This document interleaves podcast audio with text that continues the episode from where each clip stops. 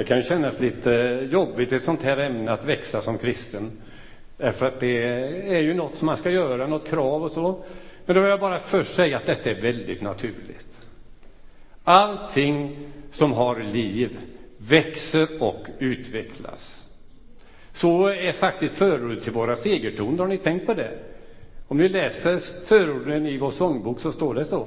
Allting som har liv växer och utvecklas. Gör det inte det så är det inget liv.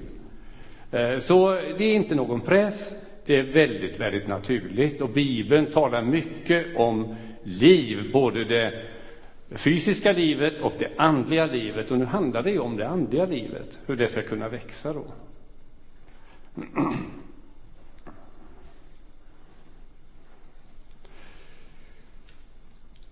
Då kan vi säga att för att få del av det gudomliga andliga livet så kallas vi till gemenskap med Gud genom Jesus Kristus. Jesus Kristus är väldigt central när det gäller eh, att växa till som kristen, naturligtvis. Gud ger livet, Gud ger växten. Vad har vi för ansvar då? Ja, att låta oss växa. Mm. Bibeln använder en del bilder på det här. Och nu kan vi ta den första illustrationen här. Då finns det bilden av ett frö.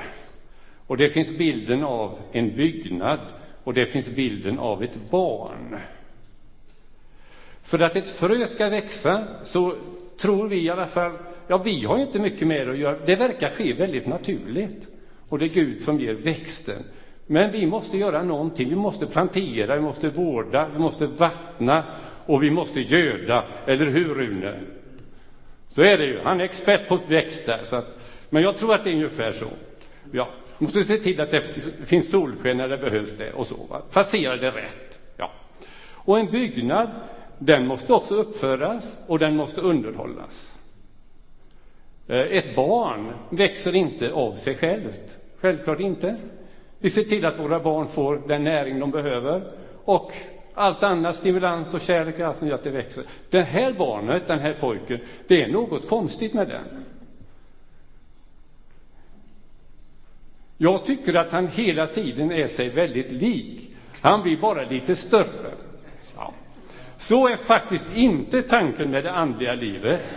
Vi ska inte bara låta det gå och gå år efter år och att vi ska vara detsamma, se likadant ut. Så tänker inte Gud. Så tänker inte Bibeln. Det ska faktiskt hända en förändring, en förvandling. Och det är det naturliga om vi är eh, ja, föremål för livets kraft. Så blir det så.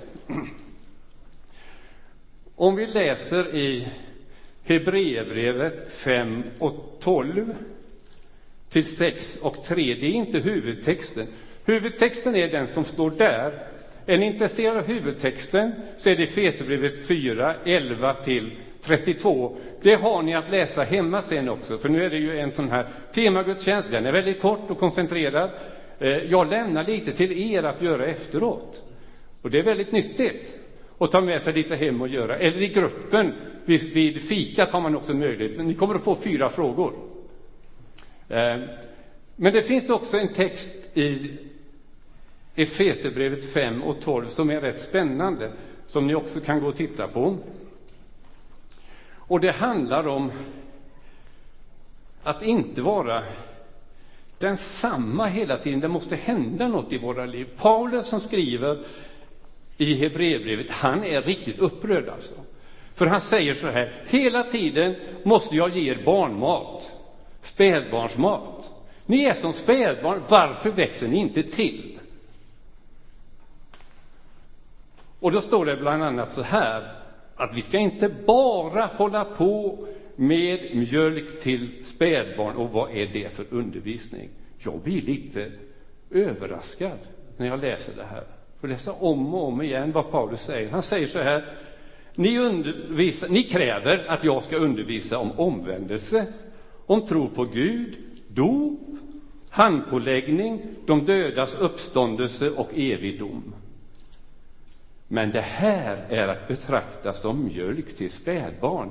Växer ni inte upp och tar till er en, en mat, en undervisning för vuxna. Och då tänker jag lite så här, man får ju reflektera med viss eftertanke. Ja, det kanske var så att jag växte upp i min andliga gemenskap väldigt mycket med mat för spädbarn. För detta undervisade man ju om. Och anledningen till det var att det kom nya barn hela tiden, som naturligtvis skulle ha den här undervisningen. Men för mig blev det kanske inte den bästa tillväxten. För jag kom inte vidare. Och nu har ni en, en mycket spännande uppgift. Eh, jag har tankar på ett svar. Vad ska man då undervisa om? Men det lämnar jag till er att fundera på i gruppen. Om vi nu inte ska undervisa eh, med mat för spädbarn, vad ska vi då undervisa om? Ja, då är det inte dessa saker. Då är det någonting annat också. Det är jättespännande att fundera på det. Speciellt för oss predikanter också. Ja, det är en utmaning som är fantastisk.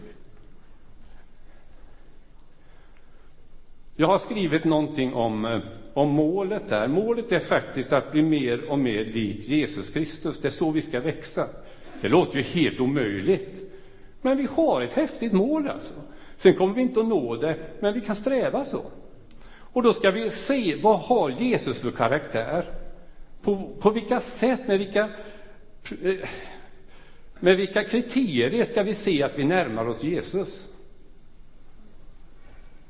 Och då har vi Andens frukt, tycker jag är härlig här i sammanhanget. Och det kanske vi skulle ta en serie med nio predikningar om de karaktärerna. Det skulle inte vara fel alltså. För då är det lite mer än mat för spädbarn. För då kommer vi närmare målet. Ehm, nu har jag hjälp av det här armbandet, min hustrus armband. Det är hennes lite, vad ska man säga, diakonarmband. Armband. Ehm, för här står alla de här nio karaktärerna. Och det är ju lätt att glömma av det, men har man det, nu kan jag inte ta på den för jag har inte den slimmade handleden som hon har, men eh, eh, tanken är att man ska bära det här med sig och komma ihåg, bli påmind om, det är faktiskt de här karaktärerna som jag ska sträva efter och växa upp till. Och nu får jag lite hjälp, då. det står visserligen på engelska här. Kärlek och glädje och frid tålamod, vänlighet, godhet, trofasthet, ödmjukhet och självbehärskning. Där har vi några. Hur? Vi är ganska långt ifrån, tror jag. Men det är det vi ska växa upp till. Att ha den personligheten som karaktäriseras av de här orden, de här nio orden.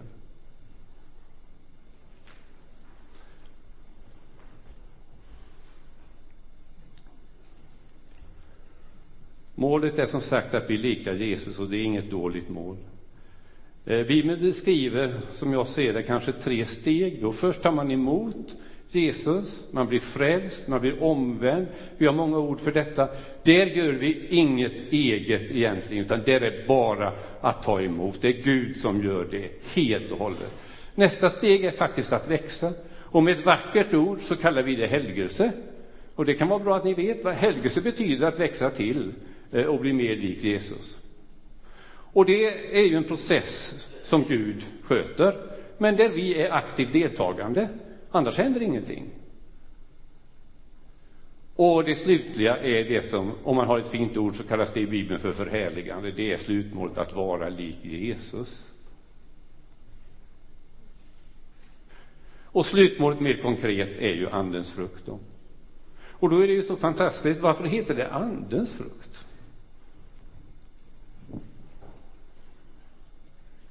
Ja, Gud lägger inget krav på oss om man inte ger en hjälp. Och han önskar att vi alla ska växa till. Och då finns det en hjälp och vi kallar det för den heliga Ande. Och det är en märklig kraft som är till för alla människor, som vi kan ta emot, som hjälper oss att formas på det här sättet. Hur skulle det gå om vi inte hade någon hjälp? Och då, då har vi den helige Ande.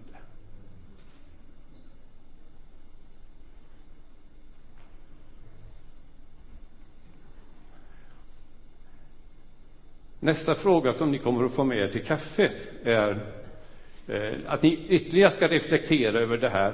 Vems jobb är det när jag ska växa som kristen? Är det Guds jobb? Är det mitt jobb? Är det församlingens jobb? Eller är det kanske pastorns jobb? Ja, ni får fundera på det här, eh, tycker jag, och få ett gott samtal med det. Och då får ni en text eh, som ni får med på det papper som jag lämnar ut. Filipperbrevet 2, 12-13 kan ni läsa och använda det som att få ett svar. Vad kan vi göra för att växa? Våra ansträngningar har inget att göra med vår frälsning. Det steget, det sköter Gud.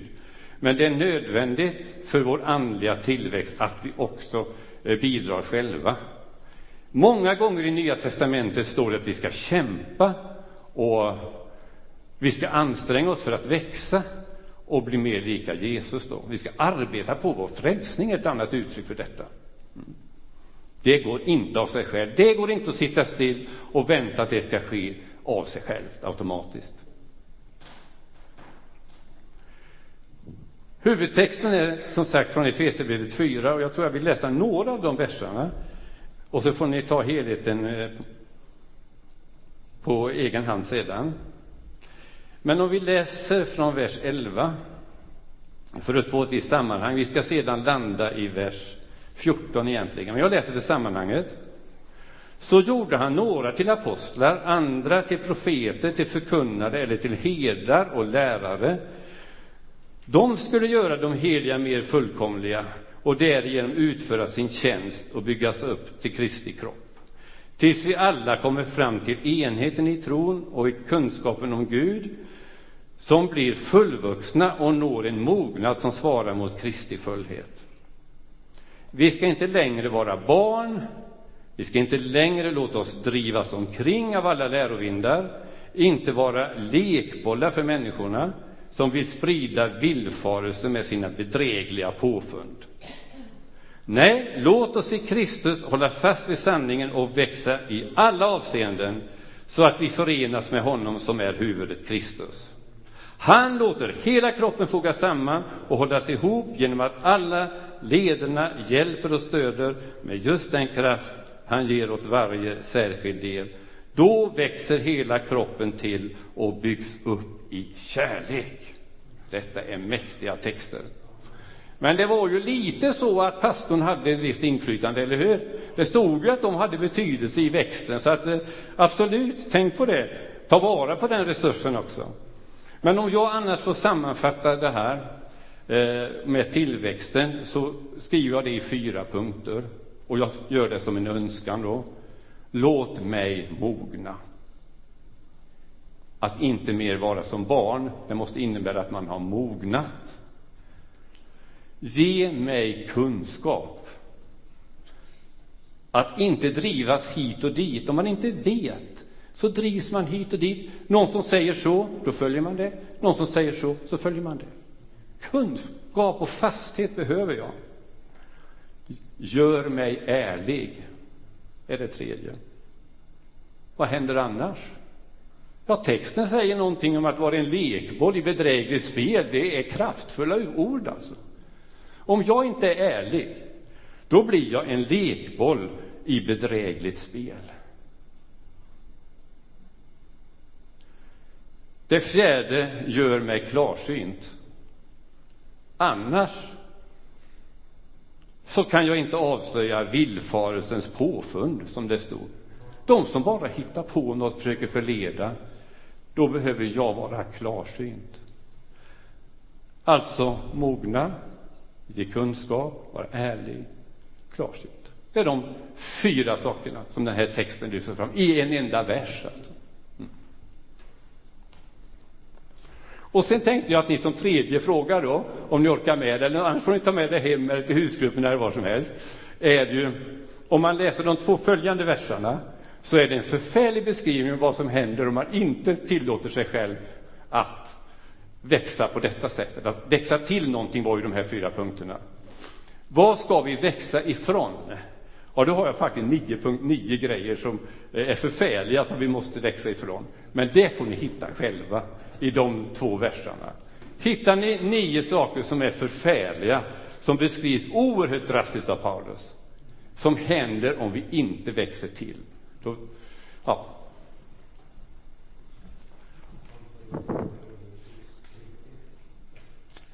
Det är bra Tom, det är jättebra Tom. Jag tycker du ska vara med i det samtal som händer i gruppen sen. Så kan du bidra genom att säga sådana här fantastiskt, fantastiskt viktiga saker. Om vi sedan läser eh, tre verser till lite längre fram i vår huvudtext, då, i Efesierbrevet 4, så läser vi tre verser och de ska vi också mjölka ordentligt. 22. Därför ska ni sluta leva som förut. Ni ska lägga av er den gamla människan som står under, eh, som går under bedragen av sina begär. Se till att ni förnyas i ande och förstånd och att ni klär er i den nya människan som har skapats efter Guds bild med den rättfärdighet och den helhet som hör sanningen till. Ja, det var tre verser och tre saker vill jag ta ut som krävs för att vi ska bli mer lika Jesus. då. Ett, och då är det vers 22. Vi måste bestämma oss för att ändra vårt sätt att leva. Det var jättejobbigt, men ni får fundera på det. Det sägs faktiskt det. Och vers 2, vi måste ändra vårt sätt att tänka. Det är nästan ännu lurigare, men oerhört viktigt. Och det kan vi jämföra med en annan text i Romarbrevet 12 och 2 som säger att vi måste förvandlas. Och det ordet som används där eh, är vackert, alltså. Metamorfosis. Och ni som är naturintresserade, ni vet vad metamorfos är. Det är den fantastiska process som en larv genomgår genom puppastadiet för att bli en fjäril. Fattar ni vad starkt det här ordet är? Det är den förvandling som vi ska genomgå.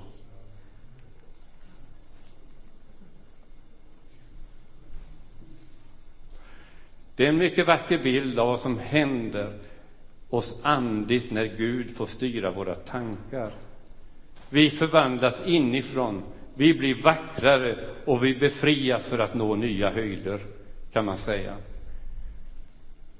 Man kan säga mycket annat om den här, just den här versen då, eller den här bilden av eh, fjärilen. Puppastadiet, vad är det för ett stadium? Hur verkar det? Det verkar ganska så stilla och lugnt och utan mycket liv, men det händer någonting där inne som förbereder puppan för att bli fjärilen sen. Och ibland så behöver vi också den där tiden av stillhet, eftertanke i den här processen. Då kan vi vecklas ut och bli som en vacker fjäril. Andligt sett. Så det är vad vi kan göra, men vad gör Gud då? Nu har jag inte riktigt koll. Vi ska nog byta bild kanske. Vi får se hur långt jag har kommit. Nej, det, hade, det är jag inte riktigt där, men låt den ligga på. Låt den ligga på. Eh, hur gör Gud då för att hjälpa oss i det här? Han ger oss redskap. Och de redskapen är bland annat då eh, sitt ord, Bibeln, är viktigt. Och församlingen, vår gemenskap, hans folk är viktigt. Men också verklighetens omständigheter. Det talar vi inte jättemycket om i våra kyrkor, men det är faktiskt viktigt. Alla de här tre är nödvändiga för att karaktären ska utvecklas. Guds ord ger oss de sanningar vi behöver för att växa. Guds folk, församlingen, eh, ger oss det stöd vi behöver och vardagen, omständigheterna, ger oss en miljö som vi behöver för att öva oss att bli lika Kristus. Tänk på de här nio karaktärerna. När ska vi använda dem? När ska vi vara som de här nio karaktärerna säger? När vi träffar vanligt folk, förstås. Inte bara i församlingen. Så alltså är vardagen, omständigheterna jätteviktiga för att vi ska kunna öva oss och förbättra oss och växa i det här avseendet. Eh, så det skulle jag vilja trycka på faktiskt.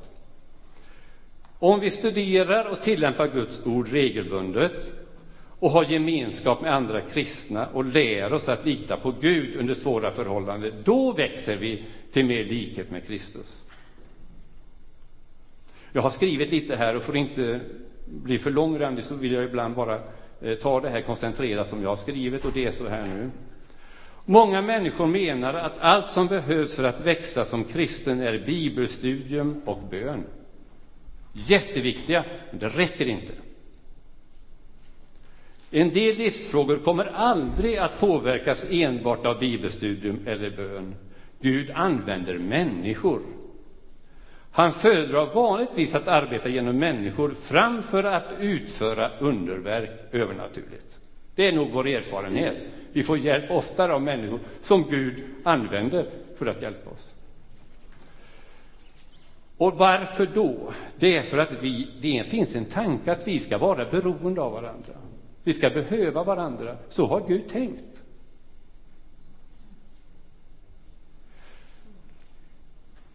Han vill att vi ska växa tillsammans. Bibelns ideal är att vara tillsammans med andra människor och samverka med dem. Man behöver finnas i en församling och i en gemenskap. Detta trycker jag ofta på när vi har det här i vår alfa och betakurs.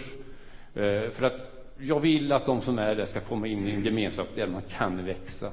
Och det är ju en församling då. Eh, varför då? Jo, därför att en sann andlig mognad handlar om att lära sig älska Jesus. Och man kan inte öva sig i det utan att ha relationer med andra människor. Jag kan i min ensamhet inte på något sätt utöva de här nio karaktärerna. Det finns ju inte en chans om jag bara har mig själv att brottas med. Nej.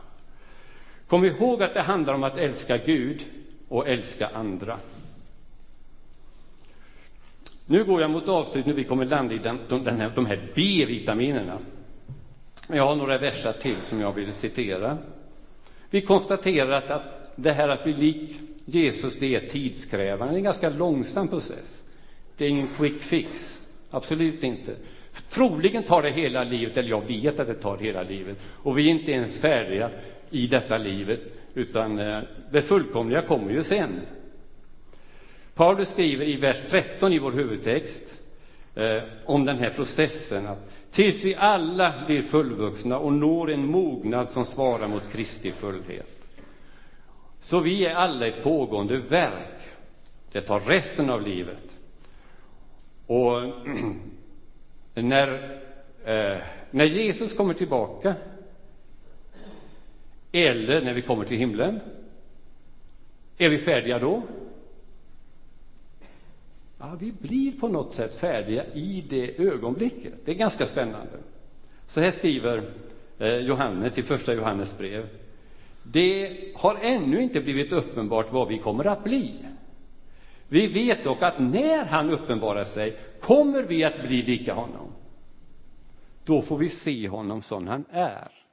Så om vi känner oss ofärdiga här i detta liv så är det fullständigt normalt. Vi jobbar på det hela vårt liv, men sen i det ögonblicket vi går in i himlen eller att Jesus kommer, då blir vi fullkomligt lika honom. Vilket mål!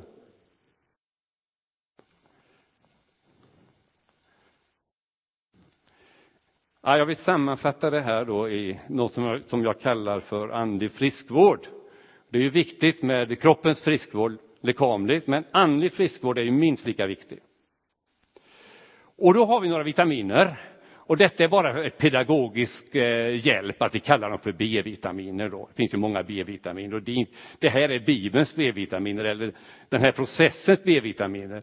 Och det är därför att i den här texten, Apostlagärningarna, så står det att de deltog troget i apostlarnas undervisning, den inbördes hjälpen, i brödbrytandet och i bönerna. Och här kan man hitta då eh, fyra B i det här. Apostlarnas undervisning det är givetvis Bibeln, första B. Och bönen står ju där, och bönen tar all tid, vi ska bedja oavlåtligen. Eh, och sen stod det den inbördes hjälpen, att hjälpa varandra. Och det brukar man också säga att det handlar om eh, att få hjälp av bröder och systrar. Eh, brödragemenskap finns det i en annan översättning, det har det här bygget kommit ifrån. Men jag säger som eh, Roberto Josef, när han säger bröder så är systrarna involverade i detta begrepp bröder. Men jag lägger ändå till systrar, så ni inte missuppfattar mig nu. Gemenskapen med bröder och systrar är oerhört viktig, den inbördes hjälpen.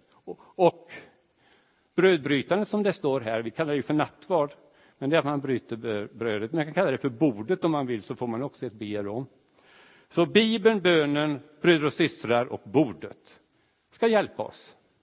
Och det är min fjärde fråga till er som ni får ta vid fikat eller senare. Eh, har ni något vittnesbörd att ge gruppen om att ni har haft någon nytta av de här B-vitaminerna? Har det gjort att ni har känt er bättre, eller blivit bättre, eller växt? Eller, ja. Nu, är, nu är det det ni får reflektera i, i gruppen. då. Jag tänkte faktiskt nöja mig med detta. Men vi kan ta nästa så vi får sammanfattat de här frågorna som ni får med er. Eh, jag talar om det här med mjölk till spädbarn, alltså undervisningen måste vara till vuxna och hur ska den se ut då? Det får ni fundera på. Eh, och vems jobb är det att vi ska växa? Det fick ni en text att fundera på. Och så var det här med att ni skulle läsa eh, ja, hur förfärligt det var, eller vad vi borde växa ifrån kan man säga. Vad vi borde växa ifrån, nio punkter. Det får ni läsa själva. Och på vilket sätt har B-vitaminerna hjälpt dig att växa i din kristna tro? Det är fyra frågor att reflektera över. Det är ju så att vi har de här temagudstjänsterna och då fungerar det så att vi har en liten kort undervisning och sen ska vi samtala i grupper. Nu har vi administrationsmöte idag, men det finns ändå tillfälle att samtala om ni vill vid fikaborden. För de, vi kommer att sluta ganska tidigt här uppe, känns det nu. Vi har bara en liten avslutning kvar. Eh, jag vill bara be tillsammans med er.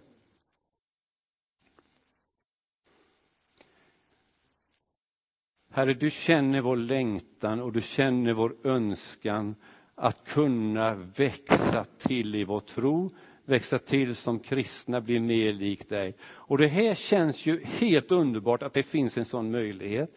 Samtidigt känner vi ju alla att vi har långt kvar. Och därför vill vi tacka dig för att du har gett oss de här hjälpmedlen. Nu ska du ta hand om oss, du ska hjälpa oss att vi tar vara på de här B-vitaminerna som gör att vårt andliga liv kan bli friskt, levande och att det finns en tillväxt i våra liv.